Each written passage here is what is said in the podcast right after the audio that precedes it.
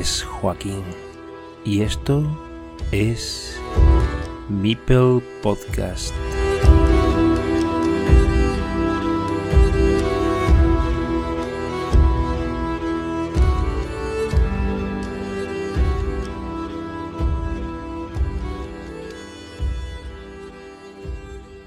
Uh, Willem de Gooyert, a man who has the biggest collection of Carcassonne objects I've ever been.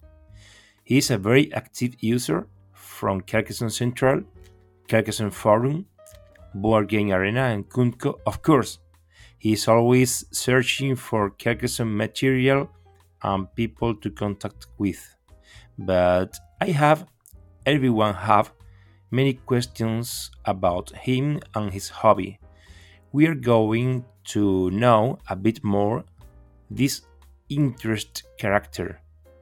Willem, welcome to Meeple Podcast. Hi, Joaquin. Thank you for having me. It's uh, it's an honor to join you. I've I've listened to several episodes of the podcast already with Melvin, Alexi, Chris, uh, Hector, and I really like the series. Thank you.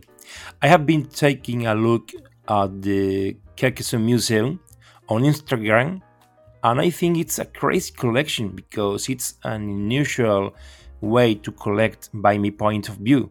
All the boxes you have uh, at the museum cover not only the basic game, their extensions or expansions and mini expansions, including every edition C1, C2, and the recent C3.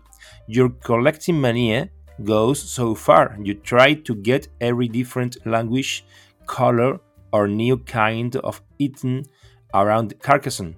Why? I mean, it's not enough for you the complete official edition in your own mother tongue. yeah, the collection has gotten a bit of uh, a bit out of control. um, I was introduced to the game in 2016, and I started seriously collecting in early 2017. And in the beginning, it was all I was just trying to collect all the different expansions. So I got all the different spin-offs after that, and then all the big boxes. And over the last few years, it just grew a lot bigger. Uh, I started collecting by I started by collecting boxes that had the name of the game spelled differently, such as uh, Korean, Japanese, Russian, Bulgarian. Uh, more special editions, so base games with extra expansion, special edition Wheel of Fortune, and here and there another base game. If I could get a box cheap that I didn't have, I would just pick it up. And when talking about the collection with some friends, it got referred to as the museum, which I quite liked. And so, yeah, the Carcassonne Museum was born as a, a fun term amongst friends last year uh, we moved into a new house and I was able to put up some shelves to display the collection. And I've been thinking of setting up a, a YouTube channel to share information about the game, as I felt there was no place where detailed information about the, the history of the game was shared to, to a wider audience. And this then evolved into my Instagram, which allows me to share pictures with some text detailing the subject of the day. So at the beginning of the year, I started the Instagram account. Uh, I asked some friends about frequency of posts, and they suggested one post per day to start. And I've kept this going for four months now. uh, I really like the collecting and trying to find things. So I just managed to collect full sets of certain publishers, such as German, Dutch, English, and even Japanese C1 sets. Mm-hmm. Uh, Willem, tell me, uh, what's the most uh, strange thing you are? I've got many strange things, I think, but uh, for example, I've got a set of the adults of Carcassonne, which is a set of tiled made, tiles made from uh, drinks coasters, including uh, a giant rubberized score track. There's also a Russian first edition, which I haven't seen anywhere else and might be very unique in my collection.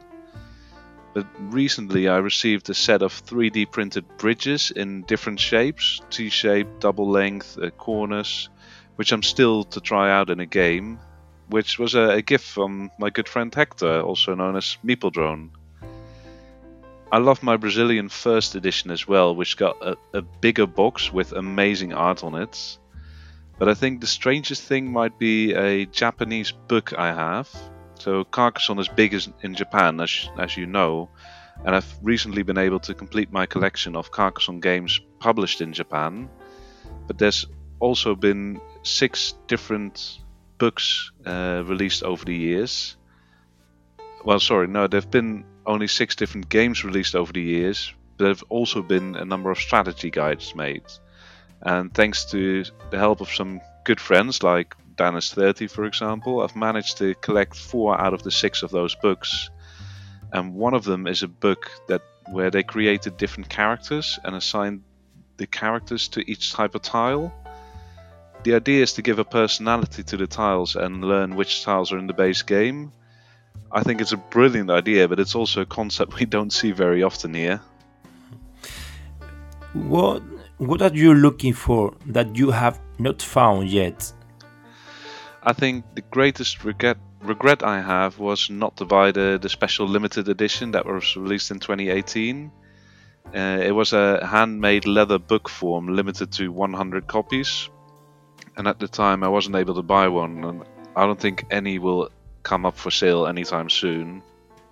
Apart from that one, uh, I actually get very excited by even finding simple base games or expansions from a language that I don't have yet. I'd still like to find a, a, Greek C1 game or a Hebrew one, but there are so many that I'd still like to find. There's so much I haven't gotten yet, and so many nice and unique things around that I don't think I'll ever be finished. But every collection is unique, and that's what I love about the game. Each game you play is unique, and every collector will have a unique story behind their collection. Uh, do you know how many meeples you are inside every box you have in your collection? well, believe it or not, but I actually do keep track of everything I have in much detail. Uh, I made an Excel file where I list every box, every expansion, every single item in my collection, and it also includes a tile count and a meeple count. I do often have things still on their way or with friends, but this file only has what I have in my museum now, and it will get updated every time something new arrives at my house.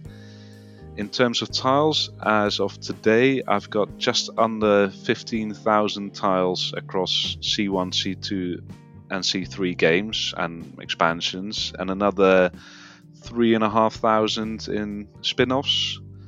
The Meeple group is also quite big, uh, not counting figures such as builders, pigs, and neutral figures. I think it's just over 7,000 meeples uh, from C1, C2, C3 games and expansions, and then another 1,500 from spin offs.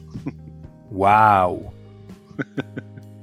and what do they do? Meeples, I mean, while you are sleeping at night. well, I'd hope they're guarding the museum at night, or at least having a good time together. As there are so many, not all of the meeples get to play often, so I hope they manage to entertain themselves in a, a bit. With so many friends, I can only imagine the parties they could have. uh, have you ever been at the annual Essen Festival? Uh, not yet, but I'm going this year. Uh, together with some friends from the UK, uh, Dan, Tom, Rich, uh, we've already booked our hotel and we'll be going for the full weekend. I'm really looking forward to it as I've heard so many good things about it. And I'll make sure to visit the, the Hans im Glück booth a lot, as well as trying other games and just having a good time with friends. Mm-hmm. Uh, what would you like to do shortly around Carcassonne World? Uh, I would love to meet Klaus Jürgen Wrede and show him pictures of my museum. I hear he's a, a, very nice person and genuinely interested in the fandom of the game, so I'd really like to show him what his game from over 20 years ago has led to now. Uh, apart from that, I'm also actually working on scanning in all the rules that I have. There's already a lot of not a great number of rule books available on the, the Carcassonne forum, but I'd like to contribute to by sharing even more. And of course, I'd like to. I want to keep building my collection up. No idea if it will ever be fully complete, but I like the process so far. Have you played a Mega Carcassonne game once at least? Yes, I've played several Mega Carcassonne games. The I think the biggest I played was with uh, all the tiles, which was a normal and winter base game, together with almost every expansion. But I should really set up an even bigger game as I've got enough tiles for it now. I think the, the world record for most tiles in a single game of Carcassonne was set by Paul in Sweden, who played a game of 10,007 tiles. So I've got enough tiles to break that, but I'm not looking to do so. Paul was the first to set up such a big game, and I'm still amazed that he managed to do it. There was also once a, a Carcathon, which was a group of four players who played the game and all of the spin offs in one day in London. I've been talking to a friend to see if we can set one of those up again, with even more games now on the list. What about Carcassonne Central and Carcassonne Forum? Well, I joined Carcassonne Central early 2017, and yeah, I'm still very active there. It's a great community for players and collectors alike, and a great source of information about the game. Through this forum, I've been lucky to meet some great people, and I've met up with some of them several times to play games and exchange things we bought together. I've learned a lot of my knowledge of the game and specific expansions or releases from the community there. There's also a, a, Discord channel of Carcassonne Central where I'm very active and which has grown a lot. Through, I'd say, yeah, through Carcassonne Central, I also got involved with the, the Wikipedia with uh, Hector, Meeple. He invited me to help out, and well, I like to update the collections and expansions page to keep it up to date. This page shows all the different versions of the game from every publisher, every language, and it's it's basically my shopping list. uh, I also I am also on the the Carcassonne forum, but I'm not as active there. The the community there have done so much great work in sharing information about the game, new releases, and the history of the game. I do try to stay up to date with things going on there, although I don't post much there. Uh, you are not an usual player of Board Game Arena, but you have a good level with only a bit more of 100 matches finished. Uh, what do you like much more, collecting or playing Carcassonne? um, earlier this year, I was asked to join a team in a, a UK Carcassonne tournament. It was set up as a, a friendly tournament where teams were led by members of the, the UK Carcassonne team. And I played against some really strong opponents, including mul- multiple UK Carcassonne team members and even their captain. But through this tournament, I've gotten a bit more into the, the competitive side of the game, and I learned I was not as bad as I thought. I managed to, to win some games against amazing players like uh, Chris, Dan, and, and Richard. They would win the best out of three, but I did make it difficult for them. And I also got compliments for my play from them and also from Melvin, who I really look up to as a player and a person. I, I think I do like the collecting more, I think, although I would like to find the time to play more on BGA and improve my play. Hmm. What do you think about competitive Carcassonne in comparison to play with extensions to have fun? Well, I used to only play for fun and love to play with more and more expansions. But recently I've gotten more into the, the competitive playing with only the base game. So I've learned all the tiles in the base game and enjoy playing it against some great players. I'm very far from being a consistently good player, so I do need a lot of practice.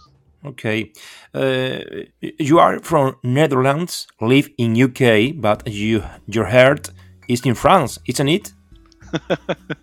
well, yeah, I'm I am indeed originally from the Netherlands, but I've lived in the UK for uh, the last five years.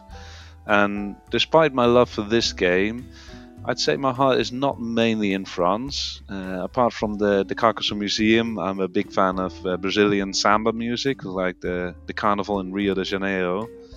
And I've been playing this for many years and play and teach my own group in my hometown. So I've been to Brazil a few times and I love the, the country, the people, and the culture. Na na na na na na na na na na na na na na na. Have you visited the city of Carcassonne? I have, yes. Earlier this year, uh, me and my partner went to went to, to visit the city of Carcassonne for a long weekend. It it came up as a, a silly idea a while ago, and when looking at the flights, we figured, well, why not?